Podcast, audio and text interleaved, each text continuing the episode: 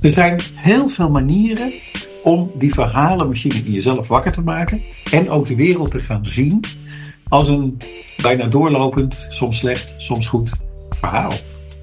En daardoor word je zelf ook een betere verhaal vertellen. Echt waar. Welkom bij de Van der Hilst podcast. Mijn naam is Patrick Regan en ik mag ieder kwartaal in gesprek met een vakgenoot uit de communicatiewereld. Vandaag is dat Theo Hendricks. Hij omschrijft zichzelf als corporate storyteller, auteur, spreker en hij is oprichter van Theo Hendricks Corporate Storytelling. Um, hele bijzondere, bijzondere naam, denk ik. Uh, hij helpt organisaties, ondernemers, merken en mensen bij het vinden van hun eigen verhaal. We gaan met hem in gesprek over de communicatieprofessional als verhalenverteller. Hoe vertel je nou een goed verhaal en waarom is dat ook voor ons vakgebied zo belangrijk? Uh, dus eerst welkom, Theo. Ja, leuk om, uh, leuk om hier te zijn en leuk om, uh, om, om hier een bijdrage aan te mogen leveren. Ja. Ik wil eigenlijk beginnen met, uh, ja, wat is het beste verhaal dat je ooit hebt gehoord? En dat is misschien heel moeilijk. Dus afgelopen week vind ik ook prima. Ja, nee, god, het beste verhaal wat je ooit hebt gehoord, of het, het beste actuele verhaal, op dit moment speelt heel erg door mijn hoofd. Uh, ik, ben, uh, ik ben bestuurder van een stichting, Stichting Storytelling Center in Amsterdam. Die maken voorstellingen. En de directeur daarvan uh, was aan het repeteren. is, ook, is ook een regisseur. Hij regisseerde een voorstelling. Is aan het repeteren voor een voorstelling die 17 november in première gaat. En die voorstelling is met een Palestijnse. En hij was op de Westbank uh, toen er gebeurde wat er gebeurde. En uh, we hebben al die tijd uh, via de app contact gehouden. Maar langzaam maar zeker zag je, terwijl het op de Westbank ook erg was, maar niet zo erg als in Gaza, mm-hmm. zag je hem langzaam maar zeker afbreken. En het is niet zozeer een verhaal, maar, maar de reis die hij vervolgens heeft gemaakt vanuit de Westbank naar Jordanië, naar Amman, om daar dan een vlucht te krijgen naar Nederland. Uh, en uiteindelijk is die vrijdag aangekomen. En die jongen die is, uh, die is echt op. Ja. Die is stuk. Nou, mooie verhalen zijn mooie verhalen. Ik kan prachtige verhalen, ook corporate stories vertellen. Maar soms zit er in het leven gewoon zoveel wat er gebeurt. En uh, waar wij vaak de neiging toe hebben om dat te bedekken met getallen en aantallen en cijfers en percentages en uh, uh, kilo's soms ook. Gaat het gewoon om mensen van vlees en bloed die dingen meemaken, daarover kunnen vertellen. Uh, en vanuit wat zij vertellen en de dingen die ze meemaken, komen die drijfveren van die mensen het mooist tot, tot, tot, tot leven. Mm-hmm. En ik denk dat, dat, dat, dat communicatie veel meer is dan, dan, dan vragen en informeren. Marcelo heeft ooit gezegd: er zijn drie vormen van communicatie vragen. En dat begint al als je heel klein bent, door gewoon te wijzen. Ik wil dat. Informeren, ongevraagd iemand van informatie voorzien. Want je moet daar niet gaan zwemmen, want het is daar gevaarlijk en er zitten haaien. Maar delen, het delen van ervaringen, het delen vanuit gebeurtenissen, het in elkaar rijgen van oorzaak en gevolg tot aannemelijke uh, scènekettingen. Dat is een kunst die, die, die, die wij eigenlijk heel goed kennen en waarvan ik vind die mag nog veel en veel en veel meer door communicatieprofessionals worden ingezet. Voor beide kernboodschappen naar de echte verhalen. Ik ben dan wel heel benieuwd naar de echte verhalen. Het verhaal wat je net vertelde is. Um, iedereen voelt aan dat is een, is een, is een belangrijk. Eh, dat heeft, um, heeft een betekenis. Dat, dat is een goed verhaal. Maar als iemand aan jou vraagt: van joh, vertel eens een verhaal. Um, je hebt niet altijd iets, iets, iets, iets goeds zomaar paraat. Nee, en, dat komt, dat heeft, ik heb het in, in Too Good To Be True ook een beetje uitgezocht en opgeschreven. Um, ons, ons geheugen, ons episodisch geheugen, dus het, het geheugen dat gebeurtenissen onthoudt, dat is minder makkelijk toegankelijk dan uh, ons feitelijk geheugen. Gewoon van wat is de hoofdstad van Rusland? Moskou. Wat is de munteenheid van Engeland? Pond. Dat lukt, dat, dat gaat makkelijk. Wat is de tafel van negen? En hup, we beginnen. Maar episodisch hebben wij moeite om lukraak in onze eigen geschiedenis, of in goede films of wat dan ook, ineens te zeggen van ja, die scène of, of dat moment of dat verhaal, daar moeten wij echt ons best voor doen. Um, omdat het gewoon, uh, het, het, wordt gewoon anders toegankelijk gemaakt. Vertel eens een goed verhaal, ja, dan, dan, kun je niet kiezen. Het kiezen is vaak het moeilijkst, mhm. omdat het niet een gerichte vraag is. De hoofdstad van, noemen ze een hoofdstad, ja, dat lukt ons ook wel. Maar dan weet je ook niet, doe ik nou de goede of doe ik nou de slechte? Mhm. En met, met, met, met, met het denken aan verhalen. Ik, ik heb altijd in mijn eh, workshops een oefening zitten waarmee ik mensen in één keer aan het verhalen vertellen krijg. Maar het moeilijkste is kiezen. Ja. Welk verhaal moet ik dan vertellen? Dat, is, dat zit gewoon in de mens. Want we hebben zoveel te kiezen. En je hebt niet een, ergens een lijstje, dat zou mooi zijn. Hè? Een lijstje van de tien mooiste verhalen die we, die, die, die we hebben. En die, die kunnen we dan afratelen. Een soort de best of, of weet ik veel. De best of my life. Nee, dat hebben we niet. We zitten dat voortdurend, zitten we afhankelijk van wat er in het hier en nu gebeurt, te kijken van, oh, maar dat doet me denken aan dat. En dan komt dat verhaal wel. En Gaza is nu even een, of is nu even, is een, is een actueel verhaal. En, en, en jij vraagt me naar het verhaal. En, en het verhaal van Arjen is, dat is een aangrijpend verhaal van een, van een artistiek leider die, uh, die ineens in een, uh, in, een, in, een, in een traumatische situatie terechtkomt. Dus dan, dan is die er. Maar misschien dat het volgende week wel weer een heel ander verhaal is. Ik had een heel ander verhaal in mijn hoofd. Toen je, toen je, me, toen je me van tevoren had gevraagd, denk daar eens over na. Dan, denk je aan een ander verhaal. Maar het, we zitten vol verhalen en we kunnen er honderden, duizenden vertellen als we willen. En hoe, welke vragen moet je misschien van tevoren stellen? Of hoe zorg je er dan voor dat. Um, en nu is het voor je vak misschien als corporate storyteller, als uh, professioneel spreker, als wat dan ook. Hoe zorg je er dan voor dat het verhaal wat je vertelt op dat moment ook het juiste verhaal is? Want je zult toch moeten gaan graven. Je moet iets doen om ervoor te zorgen dat het juiste verhaal boven komt. Ja, dat is, een, dat is, dat is de kunst van het, uh, van het vertellen. Dat zijn hele goede vertellers kunnen dat. Maar ik geloof ook heel sterk uh, in dat je ervoor moet zorgen dat je het verhaal wat je wil vertellen ook durft te vertellen. En dat verhaal dat dient zich bijna automatisch aan. Als jij voelt dat er een bepaalde urgentie is om iets te vertellen, dan heb je het enige wat je dan nodig hebt is het lef om het te vertellen. Ik geef heel vaak trainingen waarin ik mensen van tevoren vraag om een verhaal te schrijven over een verandertraject of over, over, over het ontstaan van de organisatie. Je kan van alles bedenken. De, het punt is, mensen leveren dan, nou de meeste leveren van tevoren een verhaal in, maar er zijn altijd mensen die een verhaal niet inleveren. Nou, die straf ik dan niet af. Ik zeg dan in de training heb je ook nog tijd om erover na te denken. En dan komt. Die mensen vertellen vaak heel persoonlijke verhalen die voor hun rete spannend zijn om te vertellen. En omdat het een trainingssetting is, het is een veilige groep. Dus het, en de verhalen blijven altijd in de training. Dus ze zijn er blijven er zelf de baas over. Niks aan het randje. Maar daar zie je letterlijk mensen worstelen met het al dan niet vertellen van het verhaal. En ja. die urgentie maakt dat, dat, dat, dat, dat veel mensen die een verhaal niet kwijt kunnen, last hebben van ik, er is geen publiek, wat kan. Maar er zijn ook heel veel mensen die met een verhaal zitten wat ze niet durven vertellen, of niet kunnen vertellen, of wat dan ook. En op het moment dat ze het vertellen, dan, dan, dan worden ze ergens van bevrijd. En dat vind ik, dat vind ik het allermooiste van, van wat er gebeurt met verhalen. Natuurlijk, verhalen spreken een publiek aan. Het, het is communicatie, dus, dus ja, het, het, raakt ook bij het publiek. Maar het raakt de verteller ook. De verteller zelf verwerkt op dat moment ook die gebeurtenis weer. En, en, en, en, en kan daar ineens een andere, een andere betekenis in zien. Dan dat hij er altijd over heeft gedacht. Tijdens het vertellen gebeurt dat. Dat is wonderbaarlijk. Dat vind ik, dat vind ik de magie van, uh, van vertellen. Absoluut. Dus, dus vertellen heeft ook een, uh, een psychologische werking bijna. Je bent ik denk, je eigen psycholoog. Daar overmorgen een afspraak maken bij een psycholoog. Alleen al de intake. De vragen die daar gesteld worden zijn bijna altijd narratief. En, en, en, en de meest mooie vraag die je aan iemand kunt stellen, uh, zeker in een hele kwetsbare situatie, is: hoe is het met je? En vervolgens komt er eerst natuurlijk altijd goed, niet goed, maar daarna komt er een verhaal. Dat, dat gaat vanzelf.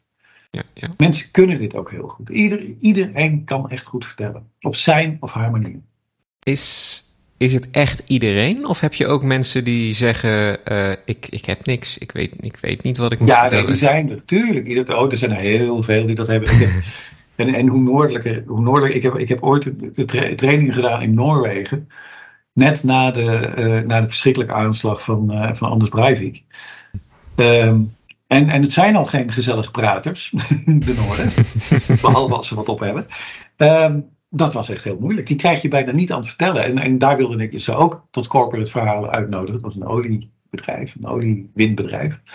Maar dat waren hele, dat zijn hele, die hielden het heel dichtbij. En die wilden liever de feiten en de, en de powerpoints en de noem maar op. Maar uiteindelijk liet ik ze, uh, een daarvan liet ik vertellen over, uh, over zijn, zijn, zijn vakantiehuis ergens op een van de fjorden en, op, en over berenjacht. En goh, het ging, het ging vanzelf. En het leukste was, ik heb al die mensen gevraagd, het was een best wel internationale club, om aan het eind van de training het verhaal wat ze hadden verteld of hadden gemaakt, en dat moesten ze dan in, in Engels doen, maar ja, Engels als het niet je eigen taal is, dan, dan, dan vertelt het lastiger. Ik liet het ze in hun eigen taal vertellen. En ik versta geen IJslands, ik versta geen Noors, ik versta geen Pools. Maar je ziet op dat moment dat als zij er eigen woorden aan kunnen geven, dan gaan die ogen stralen, dan, gaat, dan gaan de bewegingen meedoen, dan gaat het lijf meedoen. Dan zijn ze gewoon echt weer in de gebeurtenis. En dat kan iedereen. Tenzij je altijd in een kamer hebt gewoond en uh, uh, geen raam. En ook geen tv en ook geen internet. Ja, dan is de kans groot dat je, dat je weinig meemaakt. En dan valt er ook niet zoveel te vertellen. Ja. Waarom zijn verhalen zo belangrijk? Waarom, je zegt ze, ze resoneren, ze hebben een effect op mensen, ze maken impact. Waarom is dat? Omdat, ze, omdat, omdat bij het vertellen van een verhaal gebeuren er een paar dingen. Het eerste is, er wordt een soort, er wordt een soort lichtje gezet op een situatie die, die moeilijk is. Daar is iets aan de hand wat niet in harmonie is met hoe het zou moeten zijn. Bijna altijd. Dus er is sprake van een soort van conflict. Mensen zijn van nature nieuwsgierig. Dus die willen weten hoe hebben ze dat gefixt, opgelost of niet opgelost of wat dan ook. En zelfs als we weten wat de afloop is, denk aan de film Titanic, dan nog vinden we het spannend om te kijken wat mensen dan doen. Nou, dat is dus één. Dus er moet iets aan de hand zijn. Er is iets aan de hand. En dan gebeurt er nog iets moois. Wij hebben het vermogen ons te kunnen identificeren met de personages in dat verhaal. Dus als dat verteld wordt, als het een, als het een vakantieverhaal is, dan is het een ik-verhaal. Dan vertel ik wat mij overkwam in Mexico. Dan ga je je identificeren. Je gaat je verplaatsen. Of wat ik net met Arjen deed. Dan verplaats ik me tijdens dat vertellen in Arjen. Jezus, je zal er maar zitten. Jezus, mhm. je zal er maar moeten. En dan gaan we dus meeleven. Nou, dat is dus, je hebt conflict, je hebt meeleven. De situatie is, is, is ja, die, die vraagt om de aandacht, die vraagt om de nieuwsgierigheid van hoe heb je dat opgelost. Dat alles maakt dat we uiteindelijk ook bereid zijn om mee te gaan in de betekenis van dat verhaal. Of de betekenis van wat daar gebeurde, respectievelijk de oplossing die daar gekozen is. Dus in plaats van heel erg drukken op, laten we maar even zeggen, op moeten, op, op, op, op hoe het moet, op, op, op, op wat er moet gebeuren. En we kunnen niet, het kan zo niet doorgaan, want dan, dan zit je tegen iemand uh, aan te, te harken die uh, eigenlijk in weerstand gaat. Mm Gebeurt dat bij verhalen veel minder, omdat er een soort perspectiefwisseling plaatsvindt. Die identificatie met dat personage zorgt ervoor dat je het vanuit zijn of haar standpunt gaat zien wat er aan de hand is. En dat is nu ook het moeilijke. Dan zijn we toch weer terug bij Israël en, en, en, en de Palestijnen. Wij kunnen ons in, in, in, in het leed en in de woede en in de wraakgevoelens van allebei verplaatsen. Dus we weten het ook niet. Dat kwam gisteren geloof ik uit een opinieonderzoek. Voor wie we nou partij moeten kiezen. Want we snappen het allebei. Nou, als je alle verhalen wegdenkt, dan lijkt het alsof alles een opiniepeiling is. Maar het leven is geen opiniepeiling. Wij, wij, wij, wij snappen meervoudige perspectieven, wij snappen meervoudige problematieken en juist verhalen kunnen dat tot leven wekken. In termen van dilemma's, in termen van uitdagingen. En dan is het dus ook um, dan is onze mening en de manier waarop mensen hun mening vormen, heeft niks te maken met de feiten, heeft puur te maken met wie het beste verhaal vertelt. Als je het misschien heel cynisch neerzet. ook daar heb ik in Too Good To Be True heel veel over geschreven. Over inderdaad het hebben van een mening. Gebaseerd op een, een soort moreel gevoel. Een moreel onder, onderbuikgevoel. Uh, dat is op zich niet erg, dat hebben mensen. Uh, dat ze daarbij voorbij gaan aan de feiten, dat is iets dat doen wij mensen ook, want we zoeken naar de feiten die onze mening ondersteunen. Dus we werken net andersom. Gelukkig maar, zou ik bijna zeggen. Want anders dan zouden we allemaal uh, wandelende thermometers zijn, of wandelende kilometertellers, of hoe je het wil noemen. Dat, is verschrikkelijk. Dus vooruit dan maar. Maar die bias zorgt er inderdaad voor dat, dat de, niet zozeer het beste verhaal wint. Dat, dat, dat geloof ik niet. Maar het beste verhaal wint bij sommige groepen wel omdat we die identificatie zo sterk dan aanzetten. Ja. En dat, ook dat zie je nu in het, uh, in het, in het, uh, in het, in het Midden-Oosten conflict gebeuren. Mensen die bijna intuïtief partij kiezen voor één of de ander, omdat ze verbandschap voelen met de een of de ander. Of omdat ze schaamte voelen voor de ander of de een, weet ik veel. Of object ergens tegen zijn of voor zijn. En ze kiezen. En vervolgens zoeken ze de feiten en de nieuwsberichten die dat ondersteunen. Ja. En, en dat doen we, en, en, dan ben ik klaar hoor. En dat doen we bijna puur intuïtief. Het, op het moment dat er een ziekenhuis in Gazastad wordt, nou ja, 500 doden of 300 doden of 400 doden, dan zit de ene meteen te zeggen wat een schofte zijn die Israëli's. En een ander zegt meteen van, ja maar het is waarschijnlijk een raket van hunzelf geweest. En, en, en wat dat doen de Israëli's, dus zo doen ze het niet. Dus je zit bijna intuïtief dan eerst partij te kiezen. En daarna ga je erover nadenken en dan wordt het ingewikkelder. Dan kom je er ook vaak niet uit. Het, het heeft iets met die systeem 1 en 2 van Kahneman te maken. Mhm. het, het, het, snelle, intuïtieve systeem doet jou al oordelen voordat je er überhaupt over hebt nagedacht. En het uh, doordachte systeem 2 probeert daar wat langer over na te denken en dan dat oordeel te vormen. Maar het is eigenlijk vaak al gemaakt. En zeker in onbewuste zin wint systeem 1 het altijd van systeem 2. En daardoor zijn wij van die heerlijke verhalenmachines. Dat maakt ons juist een verhalenmachine. Maar in het verlengde van Kahneman, je hebt ze allebei nodig. Zonder systeem 1 zou je niet in het verhaal komen. Zonder systeem 2 zou je niets van de gebeurtenis begrijpen in de zin van dat het iets betekent. Je hebt ze allebei nodig. Ja. Je zegt verhalenmachine. Um, we hebben allemaal verhalenmachines om ons heen waar we uh, weinig behoefte hebben aan de verhalen die ze vertellen. Ik heb een, uh, een tante uh, die, me, die me zo te binnen schiet. Iedereen bedenkt wel iemand die blijft praten, maar er komt niks zinnigs uit. Ik ben heel benieuwd, wat maakt dan dat de verhalen die zij vertellen, die misschien qua inlevingsvermogen en inhoud en achtergrond even krachtig zijn als iets wat jij me vertelt, maar dat het me bij hun niet interesseert en dat ik bij jou aan je lippen hang? Ja, dat, zijn, dat, kunnen drie dingen zijn. Dat, laten we beginnen met het makkelijkste. Want ik ken dit soort tantes ook. Die beginnen namelijk nooit met een verhaal. Die nemen een hele lange aanloop. Maar ze komen niet tot het verhaal. Ze komen niet tot het conflict. Ze komen niet tot de echte gebeurtenis. Dus ze zitten eigenlijk een soort, een soort NOS journaal te doen. Dus ze geven heel veel informatie. Maar ze komen niet tot de scène. Tot, het, mm. tot wat er werkelijk aan de hand is. Dat is één. Dat zijn de, de, de vertellers met een hele lange aanloop. Maar in wat er tussen, tussen, laten we maar zeggen, verteller en luisteraar ook gebeurt, is de luisteraar identificeert zich, die kan zich met heel veel mensen identificeren. Als er ook maar iets aan de hand is, wat in het, laten we maar even zeggen, in het, in het, in het leven van die luisteraar ook relevant is. Mhm. Dus als, nu gaan we heel erg stereotyperen, dus let op. dus als iemand van een jaar of 75 tegen een jongen van in de twintig. Begint over haar kwalen. Die voor haar heel, heel urgent en relevant zijn. Hè? Mm ja. Die jongen heeft er niks mee. Dus die, die gaat die identificatie ook gewoon niet aan. Die zegt dan al heel snel van ja, boeien, dit is gewoon erg oma. Maar uh, kunnen we het nu even over iets anders hebben? Probeert hij nog. Maar oma zit zo in de kwalen. Dus daar komt ze niet uit. En dan, dan lukt het niet. Dus die werelden moeten wel op de een of andere manier op elkaar aansluiten. Ja. En Hollywood-filmmakers zijn in staat om welke wereld dan ook voor ons relevant te maken, dat klopt. Dus die, die, de, context zo neer te zetten dat wij er toch iets in zien waarvan we willen weten van ja, dat, daar zit iets. Mm uh, maar dat, kunnen, ja, dat, dat, dat, dat kan die tante wat minder goed, laat het zo maar zeggen. en soms ben je ook gewoon niet geïnteresseerd in het verhaal van de ander. En nou komen we op een, op een serieus probleem.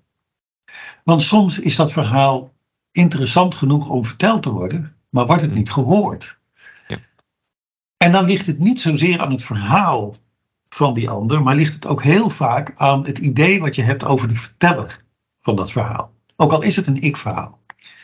Dus als, uh, bij, bij sommige politici heb ik dat, als die beginnen te praten, dan, dan ga ik al weg. Dan, dan gaat het dus niet om het verhaal wat ze vertellen, maar de verteller. Dus er is blijkbaar iets, er is niet alleen een verhaal, er is ook een verteller.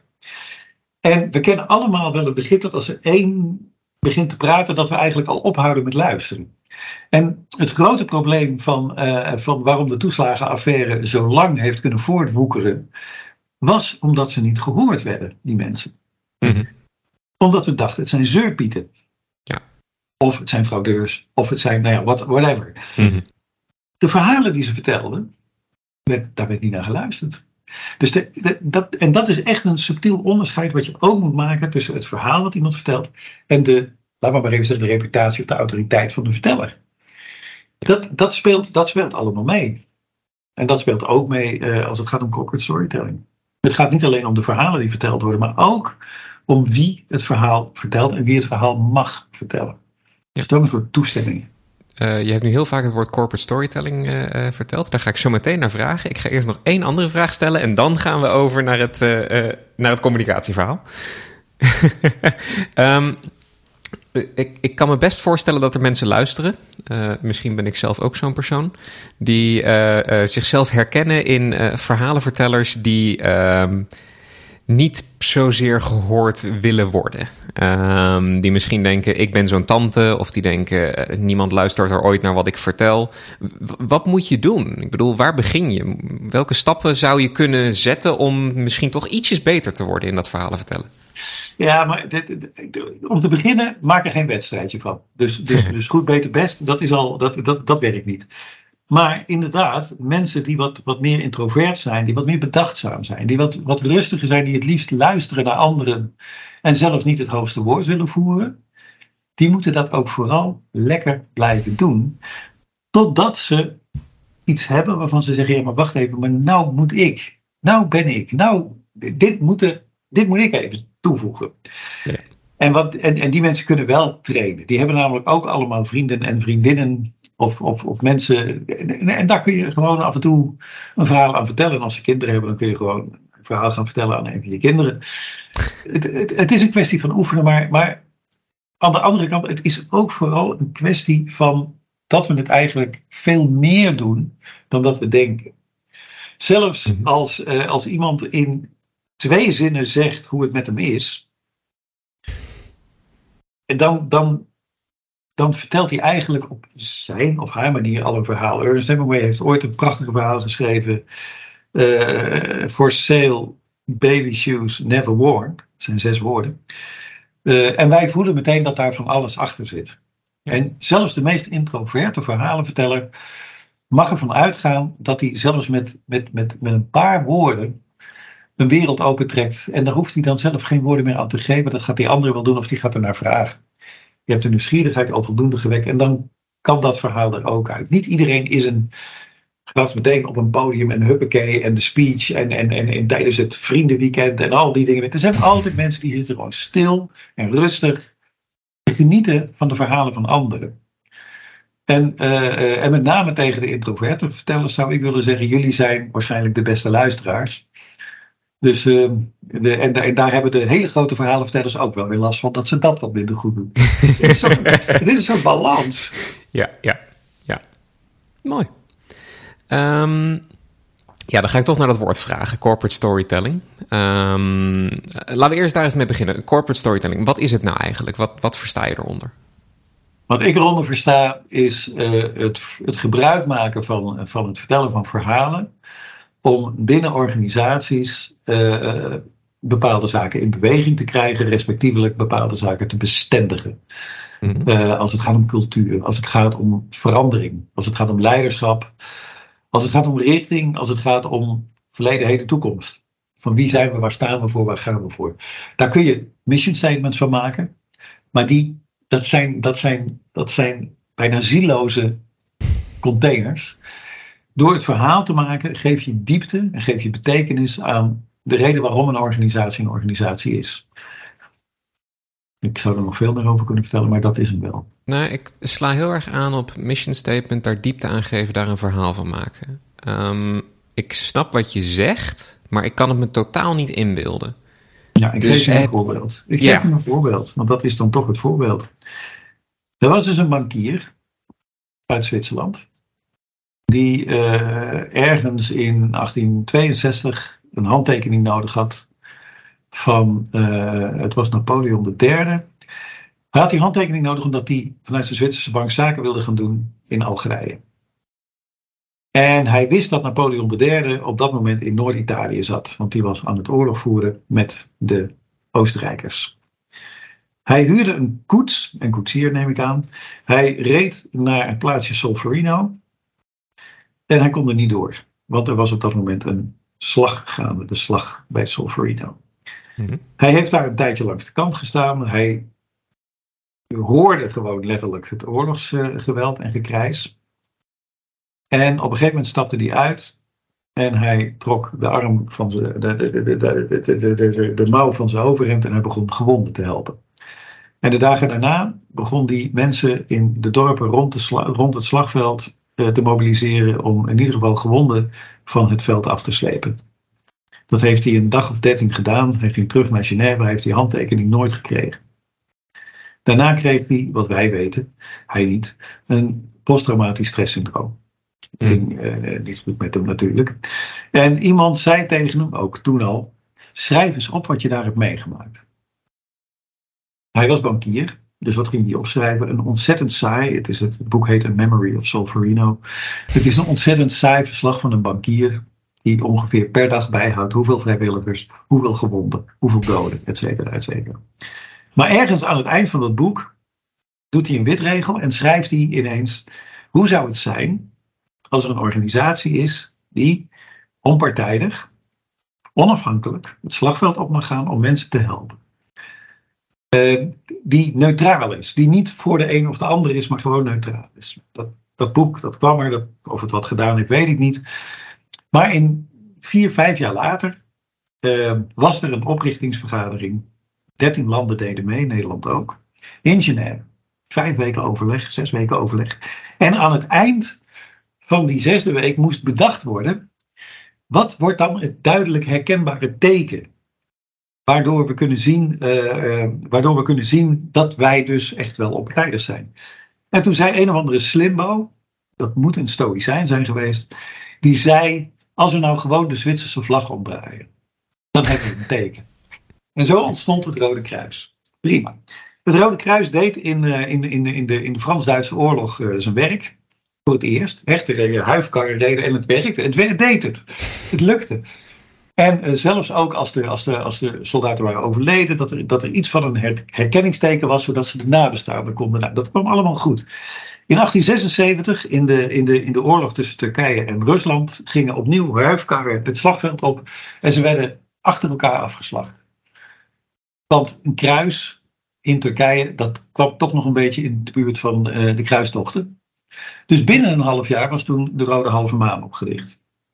Ondertussen was uh, Henri Dunant, want zo heette die bankier, totaal aan lage wal geraakt. Was, uh, was gaan zwerven, was in armoede geraakt, et cetera, et cetera. Die werd in 1892 in een rusthuis ergens in Heiden in Zwitserland gevonden door een journalist. Die interviewde hem.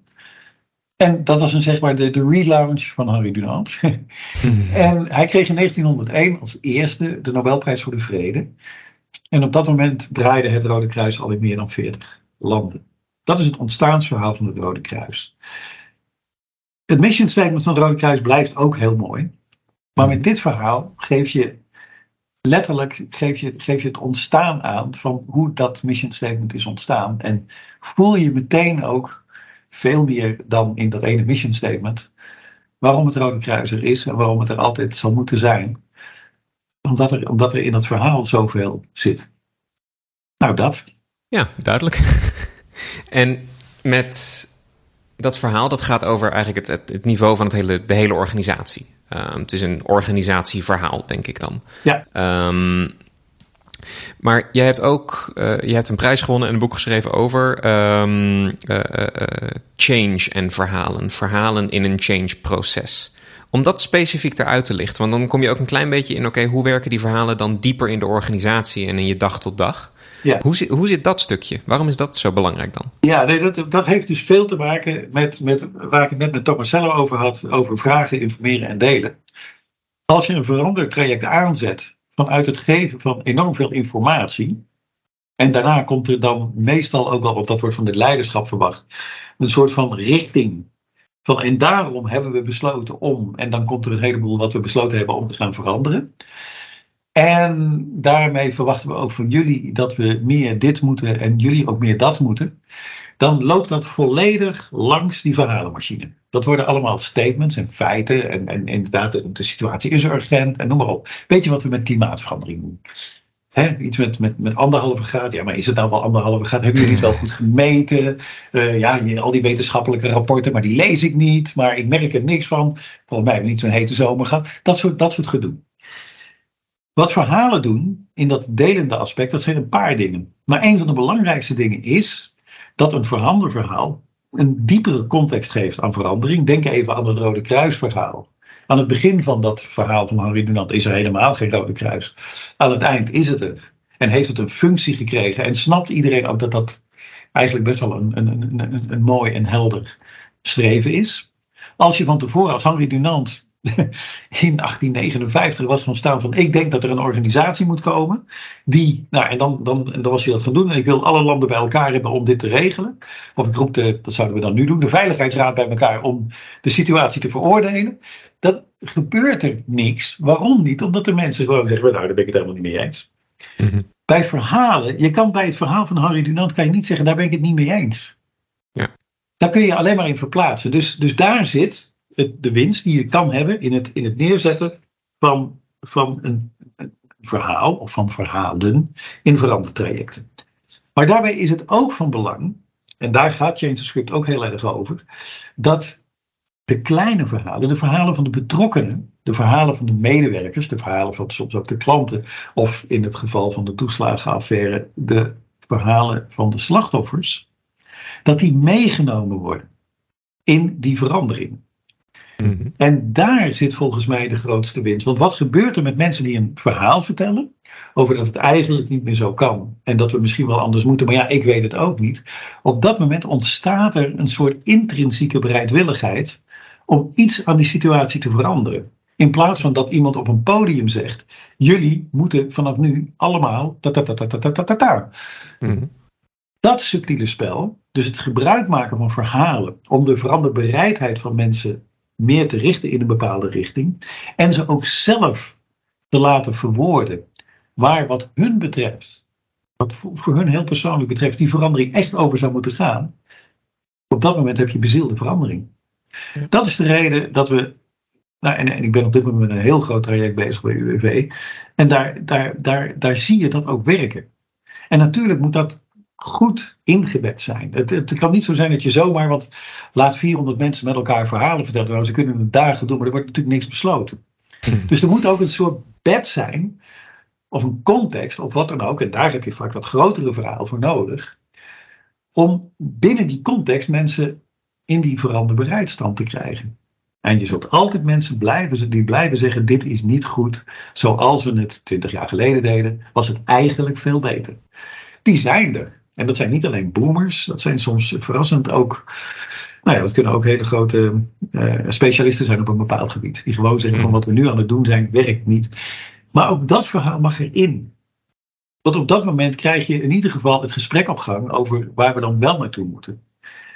Uh, nou, dat is de reden dat volgens mij verhalen een, die hebben een cruciale rol. dat hebben ze ook. Heel veel veranderingen die, die gestopt worden, die stoppen omdat mensen elkaar weerstandsverhalen gaan vertellen. Dit gaat toch niet werken. Wat een onzin. Hebben ze dit weer bedacht? Is er zoveelste verandering? Gaan we toch niet doen, hè? Nee, gaan we niet doen. Je gaat meteen bondgenootjes zoeken en huppakee, het staat stil. Ja, en dan heb je het voorbeeld waar als je uh, uh, als jouw verhaal aan het begin sterk genoeg is en mensen overtuigt en mensen meeneemt, dan is dat het verhaal waar ze in geloven. En heb je dat iemand zegt uh, wat een onzin en die ander zegt, nou, ik weet niet of dat onzin is. Misschien is dat wel helemaal geen onzin. En dat zit hem niet alleen in het verhaal, maar vooral, en daar komt, dan kom je bij leiderschap uit, maar ook in het in gedrag, in voorbeeld, in laten zien dat we het ook aan het doen zijn. Dus heel veel veranderingen gaan ook vaak, dit lijkt een soort papieren werkelijkheden, die maar niet, ik bedoel, denk even aan de nieuwe bestuurscultuur die wij in Den Haag hebben gekregen, die, dan denk je van dat is een mooi concept, maar waar zie ik het dan? Waar, wat? En dat moet er natuurlijk ook wel zijn.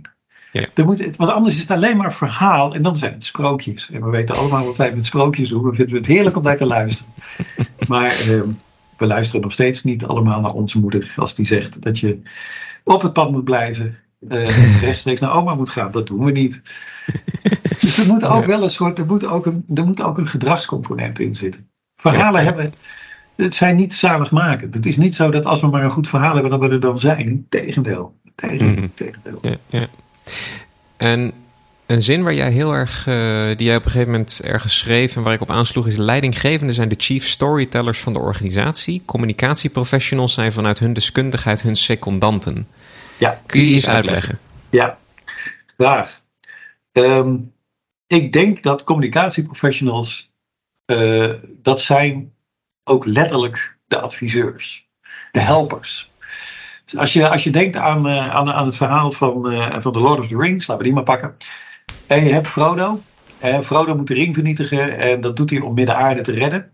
En hij wordt op pad gestuurd door Gandalf. Gandalf zegt, jij moet die ring vernietigen, jij bent hem.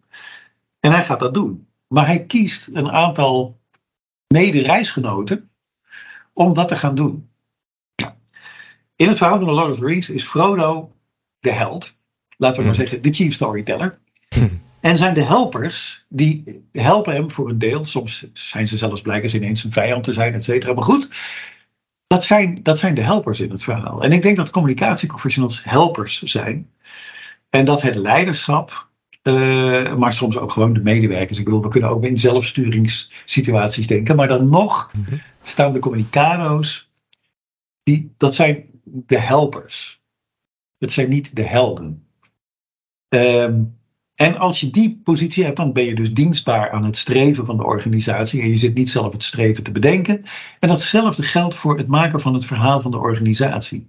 Jij maakt dat verhaal niet. Jij helpt dat verhaal tot leven te komen.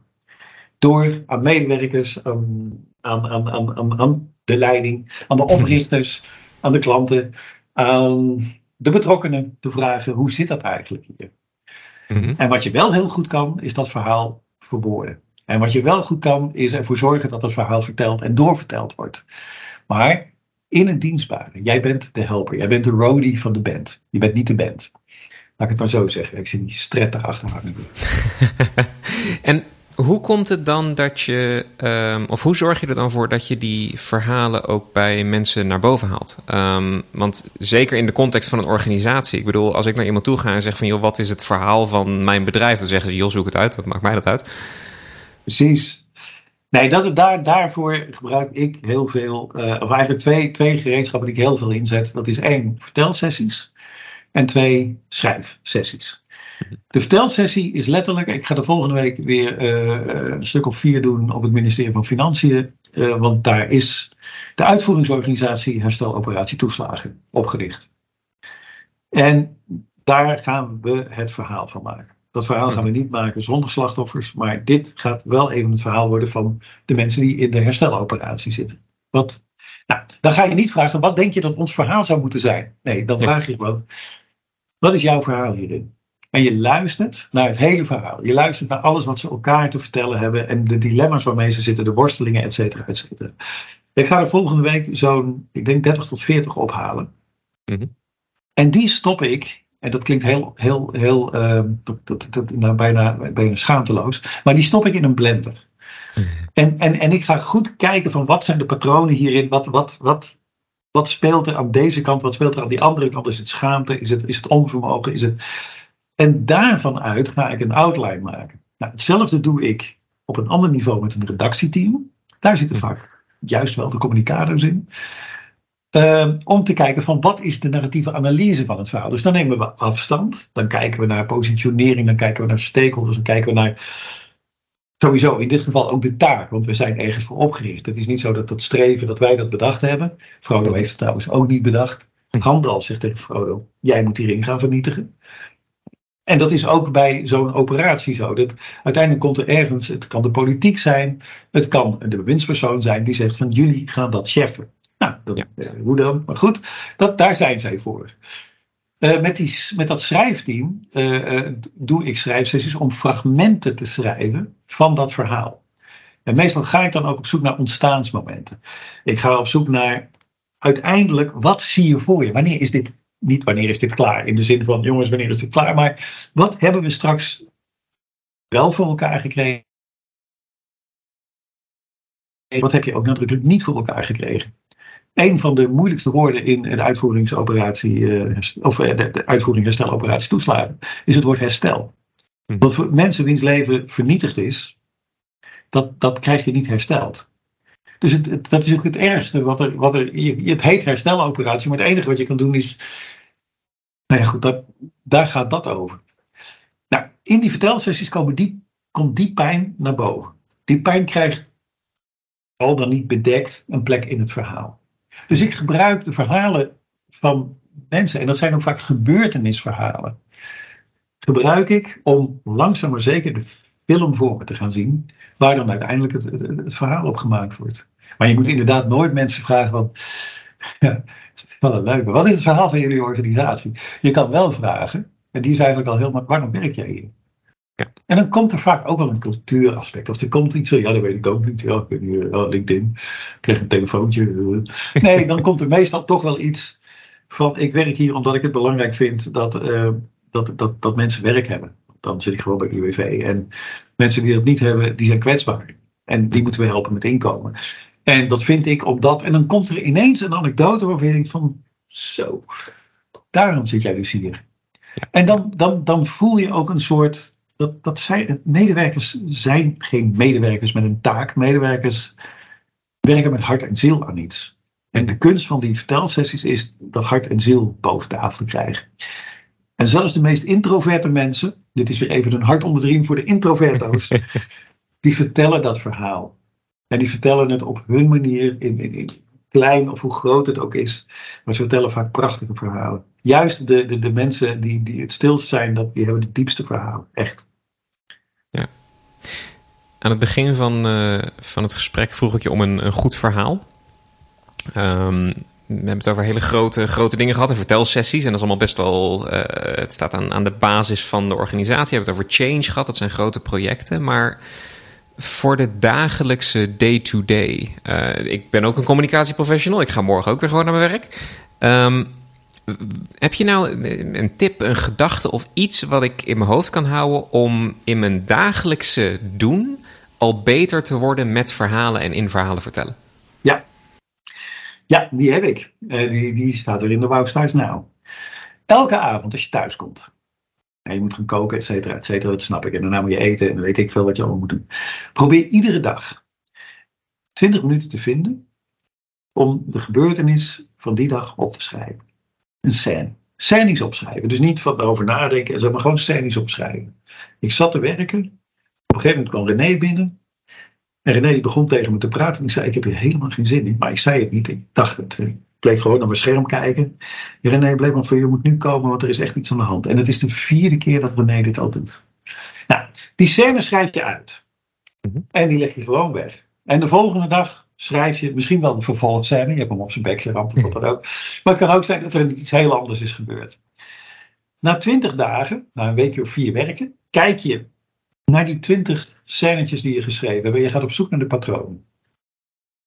En soms zijn er patronen van, ik ben zelf een ontzettende, ik zit altijd in mijn weerstand. Het kan ook zijn dat je zegt, ik moet hier weg. Het kan van alles zijn. Mhm.